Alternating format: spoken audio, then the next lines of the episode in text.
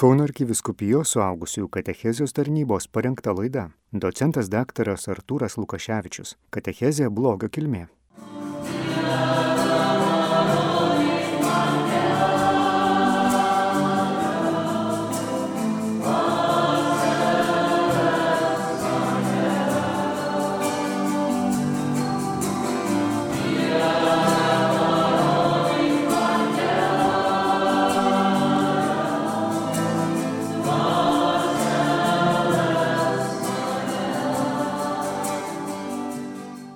Taigi, žvelgiame į patį krikščionybės centrą.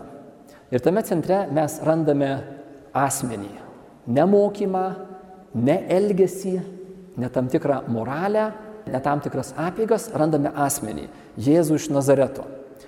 Ir tada visa kita iš jo išplaukia ir ant jo statosi. Ir tam, kad mes suprastume, kągi mums siūlo Jėzus, turime padaryti tuos tokius įvadinius žingsnius. Tai yra tas Dievo meilės ir laimės planas. Visagalis kūrėjas, begalinis, begalinė išmintingas ir geras, savo žodžiu sukuria gerą kūrinyje. Ir žmogus yra tos kūrinijos centras ir viršūnė, pašauktas būti Dievo atstovu materialiai kūrinyjei čia šioje žemėje. Ir tada turi iškilti svarbus klausimas. Jeigu viskas pradžioje buvo taip gerai, tai kaipgi pasidarė, kad dabar yra viskas, nu, toli gražu, ne taip gerai na, ir gerokai blogai. Tai kaip, visa, kaip čia atsitiko? Ar Dievas gal truputį kažką nepasisekė jam, ar broko truputį padarė bekurdamas, ar kažkaip tai kitaip. Ir atsakymas, kaip praeitą kartą užbaigiau, jeigu prisimenate kas nors, atsakymas yra laisva valia. Laisva valia yra tai, kas padaro įmanoma visą blogį šioje žemėje. Kentėjimus, karus, prievartą, išnaudojimą, baisiausius dalykus, besitęsiančius štai jau kiek tūkstančių metų, įmanomus padaro laisva valia. Tada turėtų kilti kitas klausimas. Tai kodėl Dievas mums ją davė? Argi nebūtų buvę daug geriau, jeigu mes būtume užprogramuoti į gėrį? Kaip e, negyvoji kūrinyje, kaip augmenyje, kaip e, gyvūnyje. Jie tiesiog yra instinktyviai užprogramuoti elgtis taip, kaip kuriejas jiems numatė.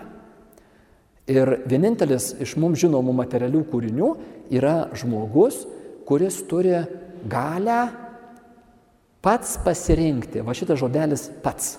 Raktinis žodelis yra pats. Žmogus turi galę pasirinkti pats kelią į laimę, kuriuo keliu į laimę jisai eis. Kodėlgi Dievas davė mums šitą galę? Argi ne būtų paprasčiau, jeigu mes tą kelią į laimę būtume nulemti, užprogramuoti, pasirinkti. Ir štai Dievas duoda mums galę, kelią į laimę pasirinkti arba pagal Dievo planą arba tą kelią, kurį Dievas mums yra numatęs, arba ne, kitą, savo. Ir kelias į laimę yra vienas. Dievas duoda mums šitą galę su tikslu, nes laisva valia yra tai, kas padaro įmanomą dalyvavimą gėryje, o tai reiškia laimę, ypatingo gilumo. Laisva valia padaro įmanomą dalyvavimą gėryje gilesnį, kokybiškai gilesnį, negu kad gėryje dalyvauja kūriniai, kurie neturi laisvos valios. Šuniukai, drambliai, žvirbliai, beržai, ažuolai, upės ir visa kita, jis, jis savaip dalyvauja gėryje, laimėje. Ir žmogus turi gebėjimą, kurio jie neturi pasirinkti patys. Ir štai reiškia tas vat, žodelis pats. Ta žodelis pats padaro įmanomą meilę. Nes jeigu nėra gebėjimo pasirinkti pačiam, tai tada meilė yra neįmanoma. Mylėti gali tik tai tu pats. Niekas negali, jeigu kas nors kitas tave priverčia ar užprogramuoja, ar kažkaip tai kitaip, tai jau nėra meilė. Mylėti gali tik tai būtybė, kuri turi galę ir nemylėti. Būtybė, kuri turi galę mylėti arba nemylėti, tik tai jinai gali mylėti. Aiškiai, turi būti e, laisvė nemylėti. Ir Dievas sukuria tokius kūrinius. Rizikuoja. Rizikuoja, reiškia, sukuria kūrinius, kurie gali jam nepaklusti. Ir iš to nepaklusimo bus daug bėdos. Taip ir būna. Taip ir atsitinka. E, Dievas rizikuoja, kadangi jisai yra begaliniai išmintingas ir begaliniai geras, jisai žino, ką daro ir matyt teisingai rizikuoja. Na, pasvarstykim. Tiesa, dar noriu priminti ir paklausti jūsų, e, taigi kalbam apie žmogaus laimę žmogaus laimė, Dievas sukuria žmogų laimiai ir per laisvą valią žmogus turi galimybę dalyvauti tokioje laimėje, kokioje kiti kūriniai neturi galimybės dalyvauti. O tai kame yra ta žmogaus laimė? Žmogaus laimė yra tokiame viename žodyje, kurį jums sakiau. Kai kurie prisimenate - bendrystė. Aiškiai, žmogaus laimė yra bendrystėje. Ir nepakanka kitų dalykų, nepakanka turėti gerą sveikatą, kuri yra labai svarbi. Bet kiek žino, žinome žmonių, kurie iš principo yra sveiki, bet nėra laimingi. Nėra pakankama turėti gerą darbą, e, gerus draugus, gražią šeimą ir kitus dalykus nepakanka. Reiškia, žmogui reikalingas, reikalinga ypatingos rūšies bendrystė. Mes esame begalin, besočiai, bendrystės besočiai. Mus gali užpildyti tik tai bendrystė su su tuo, kuris yra begaliniai gražus, begaliniai galingas, begaliniai geras. Tai yra tik tai Dievas. Ir visi, kurie yra, yra, nėra begaliniai, visi, kurie yra riboti, tai reiškia kūriniai, negali mūsų pilnai e, patenkinti ir jie gali tik tai, tik tai dalinai, tik tai kaip starto aikštelė santykių su Dievu, tik tai kaip toje didžiojoje meilėje fragmentas tam tikras ir labai svarbus. Artimo meilė labai svarbu. Dievą mylime per artimą. Artimą mylėdami mylime Dievą. Tie dalykai yra artimai susiję vienas kitame, bet žmogui reikalinga bendrystė, ypatingos rūšies gili draugystė su kitu nei aš pats. Mes esame dialoginė būtybė ir mūsų laimė yra tame dialoge, gilioje bendrystėje. Ir dabar tam, kad suprastume, kaip atsiranda blogis šioje žemėje, ir mūsų gyvenimuose. E, žvelkime į patį pirmąjį atvejį, kaip blogis atėjo į šią materialėje kūrinyje. Ir tas pirmasis atvejas yra vadinamas nuopuolis, nupuolė mūsų pirmieji tėvai. Adomas ir Jėva nupuola ir mes turime pradžios knygos trečiajame skyriuje tekstą, kurį dauguma iš jūsų gerai žinote, kuris labai simbolinę kalbą pasakoja apie žmonijos istorijos aušroje įvykusį įvykį tam tikrą įvykį. Pasakojimas yra labai simbolinis ir reikia klausti, ką tie simboliai reiškia. Skaitysiu tą tekstą ir paskui aš su jumis jį nagrinėsiu. Žiūrėsime pagrindinius simbolius kitame tekste. Žaltys buvo sumanesnis už visus kitus laukinius gyvūnus, kuriuos viešpats Dievas buvo padaręs. Jis paklausė moterį, ar tikrai Dievas sakė, nevalgykite nuo jokio medžio sode. Moteris atsakė žalčiui, Sodo medžių vaisius mes galime valgyti. Tik apie vaisių to medžio, kuris sodo viduryje Dievas sakė, nuo jo nevalgysite, nei jį liesite, kad nemirtumėte. Bet žaltys tarė moteriai, jūs tikrai nemirsite. Ne. Dievas gerai žino, kad atsivers jums akys, kai tik jo užvalgysite ir būsite kaip Dievas, žinantis, kas gera ir kas pikta. Kai moteris pamatė, kad tas medis geras maistui, kad jis žavus akims ir kad tas medis žada duoti išminties, Jis kynėsi jo vaisių ir valgė, davė ir savo vyrui buvusiam su ją ir šis valgė. Tuomet abiejų akis atsivėrė ir jėdu suprato esą nuogi. Labai trumpas, lakoniškas tekstas. Paviršutiniškai žiūrint, pasaka kažkokia, ne, ką tai bendro turi su realybė. Įvykis. Koks įvykis? Gundytojas, kas jis toks? Piktoji dvasia. Angelas, puolęs angelas. Dievas sukuria dvasinės būtybės, turinčias laisvą valią, tai reiškia irgi galinčias apsispręsti pačias, pačios gali apsispręsti tos dvasinės būtybės, angelai, jos yra labai galingos, dvasios, galingas protas, labai stipri valia galinga, tačiau jie nėra begaliniai galingi, jie yra kūriniai. Būti kūriniu reiškia būti ribotu. Bet kuris kūrinys yra ribotas. Tik tai vienas Dievas yra begalinis, begalinis e, visapusiškai. Ir štai dalis tų angelų nupuola. Nuopolio esmė yra tarnauti savo pačiam. Nuopolio esmė yra atsisakyti paklusti kitam, kad ir koks didis, geras, galingas tas kitas būtų. Ir puolusių angelų šūkis yra netarnausiu. Kitas toks literatūrinis, esu girdėjęs labai gražiai šitą patį. Geriau yra karaliauti pragare, negu tarnauti danguje. Taigi tas netarnausiu kitam, o tarnausiu savo. Atsigrėžimas į save. Ir iš esmės tai yra ta laikysena, kurios išmoko puolę angelai žmoniją, mus. Žvelgime į šitą tekstą. Taigi pokalbis vyksta tarp žalčio, už kurio stovi tas puolęs angelas ir moters. Žaltys kreipiasi į moterį, atrodo visai nekaltų klausimų. Žiūrėkite, pona Žaltys atėjo pasiteirauti ir jisai sako, ar tikrai Dievas uždraudė jums valgyti nuo visų sodo medžių? Koks Dievas sukūrė nuostabų sodą su labai gražiais medžiais ir puikūs vaisiai ir uždraudė valgyti to sodo e, medžių vaisius. Adomą ir Jėvą man jūsų nuoširdžiai gaila. Pona Žaltys atvyko pareikšti užuojautą. Moteris, atrodo, šitą žalčio tokią intervenciją sėkmingai atremė. Ką jinai sako? Sako, pona Žalty, jūsų informacija klaidinga. Sodo medžių vaisius mes galime valgyti. Tik tai vieno medžio, kuris yra sodo viduryje, Dievas liepė nevalgyti, nes tai pakenks mums patiems. Taigi mes ir paklūstame. Bus mums blogai jeigu mes valgysime. Ir pasirodo, kad moteris, atremdama šitą žalčio intervenciją, padaro lemtingą klaidą. Gundytojui reikėjo užmėgsti pokalbį. Gundytojas laukė klausančios ausies ir atsiliepiančios burnos. Čia, žinokite, yra visa gundimo anatomija. Va šito vietoje mes matom, matom gundimo pjūvį. Kasgi yra tie sodo medžiai? Sodo medžiai yra sodas, Dievas sukuria nuostabų sodą. Kas tas sodas? Yra kūrinyje. Sodo medžiai yra kūrinijos teikiami gėriai.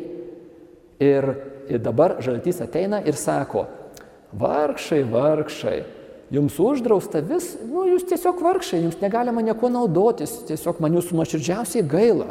Gailėkitės ir savęs jūs taip pat. Moteris pradeda pokalbį.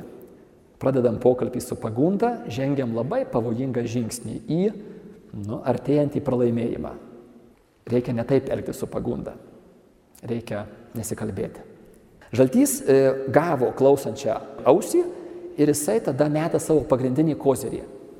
Moteris sakė, mums liepta nevalgyti, kad nemirtume. Ir tada ką sako žaltys? Kvailiai, jūs esate apgauti. Jūs ne tik tai nemirsite, bet jūs tapsite pilnai laimingi. Dievas nenori, kad atsirastų tokių kaip jis. Ir už tai jisai jums kai ką yra tiesiog išgazdinęs ir nuslėpęs nuo jūsų kažką labai labai gero. Jūs tapsite kaip Dievas, tai yra pilnai įsiskleidusios, save realizavusios, save aktualizavusios asmenybės. Adomai ir Jėva, nežioplinėkit, imkite reikalą į savo rankas, patys spręskite, kas gera ir kas bloga ir tapkite pilnai laimingi. Dievas jums laimės nenori. Jisai nori kvailų, žioplų, išgazdintų vergų. Ir jeigu norite, tokiais ir likite. Bet jūs turite šansą. Ir žiūrėkite, kokia yra gundimo esmė. Ir, ir gundytas tą daro visą laiką. Gundimo esmė yra pateikti iškreiptą Dievo įvaizdį. Tie iš jūsų, kurie truputį jau esate krikščioniškose vandenyse, pastebėjote šitą dalyką, kalbam apie Dievo įvaizdį mumise. Kokį Dievo įvaizdį mes nešiojamės? Nes tas Dievo įvaizdis dažniausiai ateinantis iš vaikystės, iš mūsų religinių patirčių, iš krikščioniškų patirčių, jisai labai yra svarbus mūsų santykiui ir su Dievu, ir, su pasauliu, ir su pačiais savimi. Faktiškai Dievo įvaizdis yra kita monetos pusė mūsų paties savęs įvaizdžio. Labai artimai susiję dalykai yra. Ir ką padaro gundytojas? Jisai įneša abejonę. Ir nežinau kaip jums, bet aš matau kaip labai galingai įneša abejonę Dievo gerumu. Jisai iš esmės sako, Gitiesą sakant, Adomai ir Jėva, Dievas, ko gero, nenori jūsų laimės. Jis nenori, kad jūs taptumėte pilnai laimingi. Ir Adomas ir Jėva stovi prieš pasirinkimą, kurio esmė yra pasitikėjimas. Pasitikėjimo klausimas. Tai yra, ar Adomas ir Jėva pasitikės savo patirtimi gyvenimo su Dievu, o ta patirtis sako, kad Dievas yra geras ir tiesa kalbis, ar jie pasitikės šituo tamsiuoju balsu, kuris sako, ne, Dievas nenori jums laimės. Patys spręskite, kas yra gera ir kas yra bloga. Imkite reikalą į savo rankas. Pasitikėjimo klausimas yra nuopolio esmė. Paprastesnė kalba, pasitikėti tai reiškia manyti, kad tu man nori laimės. Aš pasitikiu tavimi, tai reiškia, aš manau, kad tu man nori laimės. Aš nepasitikiu tavimi, aš manau, kad tu man laimės nenori. Tai štai gundimo esmė yra suabejoti, ar Dievas nori man laimės.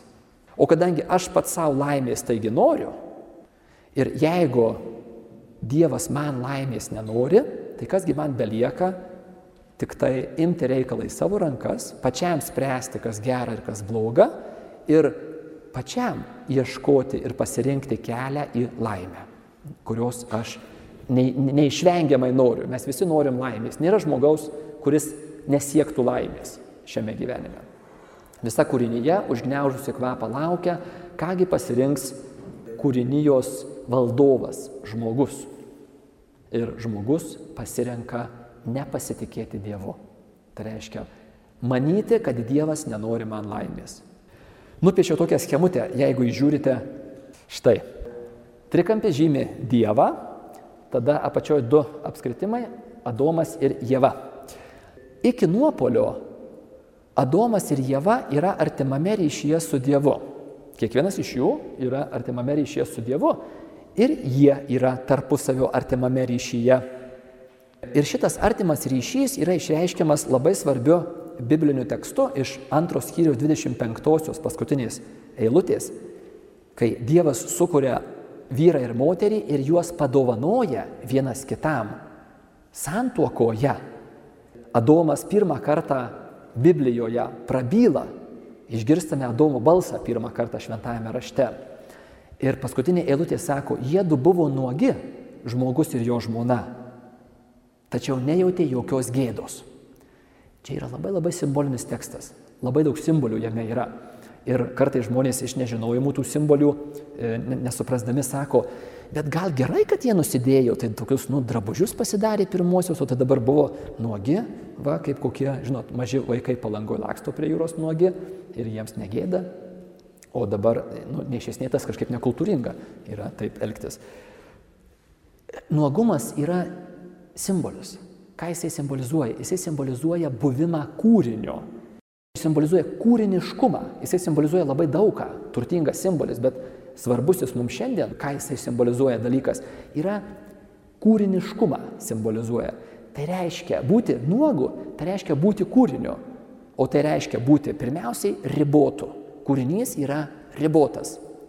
Jisai turi trūkumų, jisai turi poreikių, šitie trys dalykai.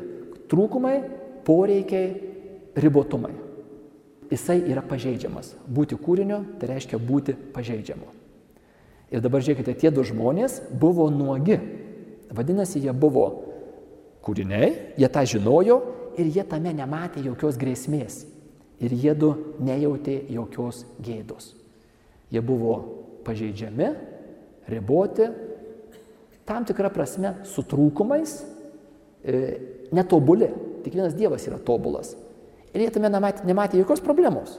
Jie, du, jie galėjo vienas kito akivaizdoje būti nuogi, atviri. Ir kadangi jų laimė yra bendrystėje, tai šitas atvirumas yra būtinas jų bendrystėje. Kitaip, e, jeigu jie nėra atviri, jeigu jie slepiasi, jie tuo pačiu slėpimusi jie užblokuoja tą bendrystę, atsiskiria nuo bendrystės. Taigi Adomas ir Jėva e, iki nuopolio, žiūri vienas į kitą ir gali sakyti, kaip nuostabu, mes esam riboti, su trūkumais, su poreikiais, pažeidžiami. Puiku, galim džiaugtis tuo. Yra kažkas panašaus, kaip ir, kai maži vaikai geroje šeimoje visiškai nemato jokios problemos, kad jų kojos truputį kreivos, šleivyje yra, kad griuvinėja, kad švepluoja. Nu, jokių problemų. Yra saugus tėvų meilėje. Bet jeigu vaikai nepatiria tos meilės, arba vėliau truputį jau pamato, kad ta meilė nėra begalinė ir ne viską apriepianti, jie pradeda šitų dalykų gėdytis. Jie, slėp, jie mato tame bėdą, problemą, reikia slėpti tai. Tai štai Adomas ir Jėva, būdami begaliniai mylinčio, galingo, begaliniai galingo kūrėjo delnuose, jie tiesiog švenčia savo mažumą, džiūgauja savo e, ribotumais ir pažeidžiamumais. Ir tas, vat, tas jų atvirumas, e, kadangi yra saugus visiškai, yra sąlyga jų tarpusavio artimai džiaugsmingai bendrystėje. Tai, tai džiaugsmą nešančiai vyro ir moters bendrystėje. Kasgi atsitinka, kai jie nupuola? Kiekvienas iš jų asmeniškai apsisprendžia nepasitikėti Dievu. Tai reiškia manyti, kad Dievas nenori man laimės. Nutraukia ryšį su Dievu. Kadangi jie yra asmenys, kiekvienas yra laisvas ir save samoningas, save apsprendžiantis, kiekvienas tai padaro asmeniškai už save. Dabar reikia staptelti šitoje vietoje ir padaryti tokį nedidelę nukreipimą į šoną. Dažnai klaidingai manoma, kad dėl pirmosios nuodėmės kalta yra, kaip ir dėl visų kitų nuodėmių ir blogybių pasaulyje, moteris. Mėlyjeji, ne. Abu. Kiekvienas. Kiekvienas apsisprendžia už save. Ir dabar atidžiau pažiūrėkime į šitą tekstą trečiajame skyriuje ir kas turi šventosius raštus, labai siūlyčiau per šią savaitę skirti 15 minučių ir tą tekstą atidžiai perskaityti ir paprašyti, kad šventoji dvasia jums dar kitų dalykų daugybę parodytų ten esančių. Taigi vyksta pokalbis tarp žalčio ir jėvos. Kurgi yra mūsų gerbiamas Adomėlis? Turbūt kažkur tai kitam sodo gale užsiemęs svarbiais valstybiniais reikalais. Tvorą atveria arba kažką tai kito labai naudingo visuomeniai dirba. Ir paaiškėja, kad ne, Jeigu atidžiai klausėtės, moteris skynėsi vaisių, davė, pati valgė, davė ir savo vyrui, buvusiam su ją, šalia Adomas. Ir kai kurie teologai sako, Adomas nusideda netgi pirmas. Jisai nevykdo Dievo įsakymo, kuris jam buvo duotas saugoti sodą ir ypač savo žmoną. O štai pokalbis rutuliuojasi labai pavojinga linkme ir Adomas nieko nedaro. Tas puolusio vyro pasyvumas, kur jisai nenaudoja Dievo jam duotų gebėjimų ir dovanų. Ir jisai problemų akivaizdoje, jisai yra pasyvus. Jisai pasirenka pasaugoti save. Nes būtybė, kuri dalyvauja pokalbėje, nėra šiaip toks, žinot, metro ilgio gyvūnėlis, visai nekaltas, tarp kitko, žalčiukas. Ne, čia yra labai pavojinga būtybė. Čia yra šėtonas. Ir Adomas gerai žino, kad jeigu jisai stos į kovą, jam gali liūdnai baigtis. Jam gali skaudėti, matote. Ir Adomas nenori, kad jam skaudėtų. Jisai turbūt būtų žuvęs. Ir tada, kas toliau? Liuks. Dangus kelias į dangų iš karto. Ir Adomas apsisprendžia pasaugoti save. Tai va čia mes, tie, kurie esame vyrai, galim atpažinti savo gyvenimuose tą Adomo tylėjimą. Yra gera knyga, vienas krikščionis psichologas parašęs knygą, kuri taip ir vadinasi Adomo tylėjimas. E, didelė bėda vyro, kiekvieno vyro. Visi mes esam puolę Ir mes visi dalyvaujame, nuodėmingai dalyvaujame tame Adomo tylėjime. Taigi, nupuola abu, kalti abu. Kiekvienas apsisprendžia už save. Nei vienas nėra vargšiai nelaiminga, nekalta auka. Kiekvienas iš jų kaltina kažką tai. Kai Dievas paklausė Adomo, kas čia atsitiko, gal tu, ne, gal tu ar tik nebūsi valgęs nuo to medžio, kurio liepiau nevalgyti, Adomas neprisėmė kalties. Jisai sako, jinai, jinai mane nulėmė. Aš esu vargšė auka, nelaiku ir ne vietoj pasipainiojusi. Tada Dievas klausė Jėvos, klausyk, ar tu kartai ne, kartais nebūsi tai dariusi? Kodėl tai padarėjai? Tada Jėva neprisėmė atsakomybės. Žaltys mane nulėmė, aš esu vargšė auka, ne, nekalta.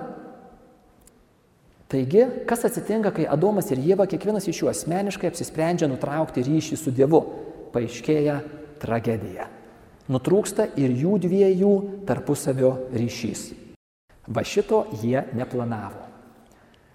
Žaltys, kuris yra melagis ir melo tėvas, kaip sako šventasis raštas mums, jisai meluodamas visą laiką pasako dalį tiesos. Nes matote, jeigu nebus pasakyta dalis tiesos, tai tada melą mes lengvai atpažinsime ir atmesime. Bet kiekvienas galingas melas turi savyje nemažą porciją tiesos. Ir tarp kitko, kuo, kuo daugiau tiesos, tuo melas yra galingesnis ir patrauklesnis. Ir pažiūrėkime istoriškai. Komunizmas, fašizmas, kiti izmai per žmonės istoriją, jie visą laiką turi savyje grūdą ir kartais didelį grūdą tiesos. Ir, ir užsupakuota bendram pakete būna ir gera dozė melo. Taigi žaltys kalbino tik tai nutraukti ryšį su Dievu, bet nepasakė, kad nutraukus ryšį su Dievu nutruks visi kiti ryšiai, visos kitos bendrystės, ogi žmogaus laimė yra ne kur kitur, o bendrystėje. Adomas ir Jėva po nuopolio nutraukė ryšį su Dievu, kiekvienas asmeniškai, paaiškėja, kad jų tarpusavio ryšys irgi nutrūko. Simboliškai šitas ryšio nutrūkimas išreiškiamas septintojoje eilutėje esančia fraze. Tuomet abiejų akis atsivėrė ir jėdu suprato esą nuogi. Jie susiuvo figmedžio lapus ir pasidarė jos mens aprišalus. Jie savo nuogumą, savo kūriniškumą, savo pažeidžiamumą staiga pradeda matyti kaip grėsmę. O siaubė, ašgi esu pažeidžiamas, aš esu ribotas, aš nesu tobulas. Kaip baisu. Ir ką jie daro, jie tai slepia. Pirmos sienos atsiranda žmonijos istorijoje. Žmogus slepiasi už sienos. Kokiagi ta siena yra? Drabužiai. Pirmieji drabužiai e, po nuopolio figmedžio lapai, figmedžio lapų sijonėliai. Jie slepiasi. Jie, jau jie negali, nejausdami grėsmės, būti vienas kito akivaizdoje neslėpdami savo pažeidžiamumo, ribotumo, to, kad jie turi poreikių. Ir jie tai slepia. Nuo ko? Vienas nuo kito. Galime būtų taip įsivaizduoti, tokia iliustratyviai šitą patį dar papasakosiu. Adomas ir Jėva iki nuopolio gali nesislėpti. Po nuopolio Adomas žiūri į Jėvą ir galvoja kažką panašaus va tokio. Aha, Jėva, Taip, Jėva. E, jinai yra laisvas ir vertingas asmuo, o kuo asmuo skiriasi nuo, nuo, nuo daikto? Asmens vertė yra jame pačiame. Asmuo yra nesvarbu, ar jis man naudingas, ar man patinka, ar man ne, nepatinka, jo vertė yra jame pačiame.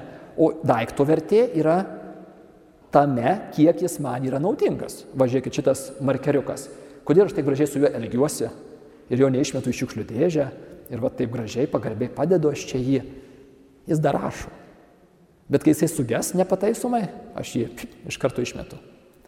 Tai aš taip negaliu elgtis su asmeniu, nes asmens vertė yra jame pačiame, nepriklausoma nuo to, kiek jis man naudingas. Taigi Adomas žiūri į Jėvą ir visą tą galvoja ir sako savo, bet palauk, palauk, o kas man liepė su jie elgtis kaip su asmeniu?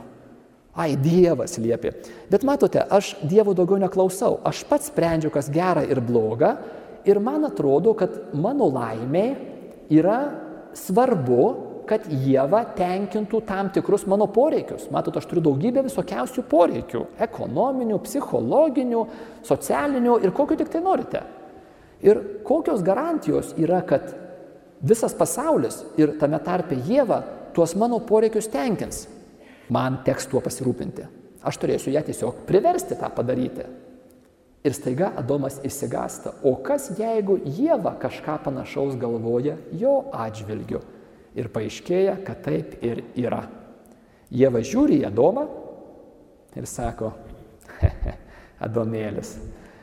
Jis yra fiziškai stipresnis ir reikia to neužmiršti.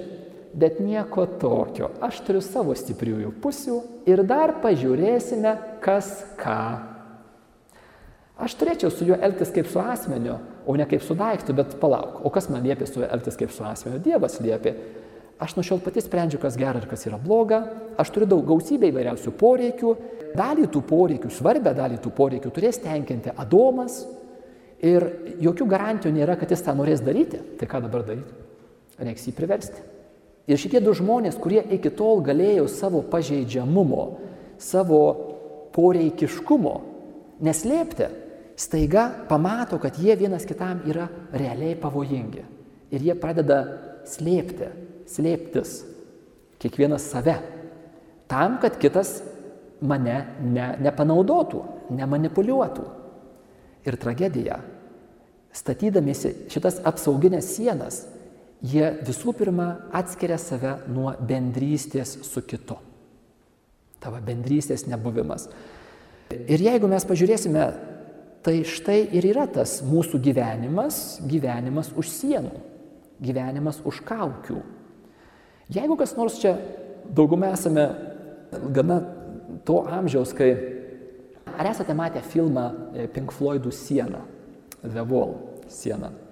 Tai va tie, kurie matėte, Pink Floydai nebuvo krikščionys, kiek aš žinau, ir, ir jų krikščioniškumą apkaltinti ko gero nepavyks, bet kaip ir vis, visas tikras menas, tas va siena, The Wall, tas filmas, gerai padarytas filmas, meninis ir multiplikacinis e, filmas, labai gerai parodo tą žmogaus sielos klyksmą, tą veržimąsi į bendrystę ir niekaip neišeina. Niekaip neišeina, nes tragedija yra tame, kad aš kaip nusidėjėlis pats savo rankomis pastatau sieną, kuri mane atskiria nuo tos bendrystės. Ir Adomas ir Jėva yra tie vat, pirmieji save sukišę už sienų. Ir jeigu mes pažiūrėsime bet kurią grupę, bet kurią mokyklos klasę, bet kurį kolektyvą, bet kurią bendruomenę, bet kokią, mes randam lygiai tą pačią situaciją, bet kurią šeimą, bet kurią santuoką Situacija yra ta, yra žmonės be galo trokštantis bendrystės ir niekaip nepavyksta jos užmėgsti taip, kaip norėtume. Prakeikimas. Ta bendrystė visą laiką yra užblokuojama, visą laiką sugriaunama, visą laiką netokia ir ne taip, kaip, kaip žinau, kad turi būti. Studentams paprastai tokį, tokį pavyzdį duodu. E, sakau, pagalvokite apie savo mokyklos klasę. Ar toje klasėje buvo įmanoma va taip išeiti į priekį ir parodyti, kas iš tikrųjų dedasi tavo dušioje? Ne. Nes pasijuoks, pasišaipys, prispjaudys. Parodyti kitam savo realią situaciją reiškia padaryti save labai pažeidžiamą. Šalia esantis žmogus tave tuo pasinaudodamas nustums, užims tavo vietą. Mesgi esame konkurencinga visuomenė. Ne, mes turim konkuruoti tarpusavį. Ką reiškia konkuruoti? Reiškia nerodyti savo silpnųjų pusių ir pademonstruoti savo stipresias pusės. Taip, tai yra ta visuomenė, bet jos tragedija yra vienišumas. Bendrystės, tos gilios, gilios bendrystės nebuvimas. Taigi nutrūksta žmogaus ryšys su kitu žmogumi. Ir šitą nutrūkimą mes jaučiame, girdime, matome labai stipriai ir tragiškai savo gyvenimuose ir, ir žmonė visada bus tokioje situacijoje. Tas ryšio su kitu žmogumi nebuvimas toks, koks turėtų būti. Aišku, skaudžiausia yra tie patys artimiausi ryšiai, kurie turėtų būti labai artimi. Sutuoktiniai, tėvai, vaikai, broliai, seserys, e, va tie yra patys e, jautriausi, skaudžiausi ryšiai. Kitu žmogumi su kūrinyje ir su pačiu savimi. Žmoguje esančios įvairios galios įsiderina. Žmogaus protas, valia, emocijos, fiziologija, visi šitie dalykai, kurie pagal kurio planą turėjo darniai funkcionuoti, darniai kaip orkestras groti, įsiderina. Ir žmogus vietoj koncerto yra tokia, žinot, kakafonija, kai nueinam kartais į koncertą kokį nors ir tenais prieš koncertą jie tuos savo visus instrumentus tenais toj duobėj derina ir tokia toks chaosas visiškas. Tai štai yra puolęs žmogus. Įvairios žmoguje esančios galios, apetitai, kurie iš esmės yra geri. Jie visi reikia savo balsu reikalaudami patenkinimo ir grasina, kad nepatenkinus būsi nelaimingas. Ir va tą vidinę nedarną, tą žmoguje esančią suirutę, krikščionybė apibūdina kaip tris geismus - kūno geismas, akių geismas ir gyvenimo puikybė, sako apaštalas Jonas savo pirmajame laiške. Kūno geismas yra malonumų troškimas. E, akių geismas yra turto ir valdžios troškimas. Gyvenimo puikybė yra savęs išaukštinimo troškimas. Štai puolė žmogus, kame iš esmės tuose trijuose dalykuose bando ieškoti laimės. Malonumai, turtas ir valdžia ir savęs išaukštinimas. E, PVM. Žinau, kas yra PVM? -as? Jūs galvojat, kad pridėtinės vertės mokestis. Pinigai, valdžia, malonumai. Štai kas valdo šį pasaulį. Ir pažiūrėkime, apsidarykime aplinkui į bet kurį lygį. Gali būti vietinis lygis, ar gali būti Lietuvos lygis, ar gali būti pasaulio lygis. Nieko naujo. Visiškai nieko naujo. Tas pats. Pinigai, valdžia, malonumai. Štai kas valdo puolus į pasaulį ir dėja mus. Tiek, kiek mes esam puolę, mes esam tos, tos nedarnos savyje e, liudininkai. Ir toksai žmogus negali būti laimingas. Jisai nėra bendrystėje su kitu žmogumi, nėra bendrystėje su e, kūrinyje ir jis yra disharmonijoje pačiame savyje. Ir va šitą nedarną, tą ryšio nebuvimą, savo vaizduotėse didinkime tą priešiškumą kitam žmogui, priešiškumą, tą vartojimą ir tą daiktą tu čiumpi, bandai jo pagalba padaryti save laimingą ir po kurio laiko paaiškėja, kad ne, ne tas kelias. Ir tada, tada nusivylimas yra. Ta, va, tą nusivylimą didinkime savo vaizduotėse iki maksimaliai įmanomo ir mes turime tai, ką krikščionybė vadina pragaru. Tai ir yra pragaras tas priešiškumas, pyktis ant kito žmogaus, ant, ant žmonių, piktumas ant tų daiktų, ne, kuriuos tiek vargau įsigydamas, tas suirutė savyje yra ir tai, tai yra ta, tas galutinis maksimalus negerumas, kurį krikščionybė vadina pragaru.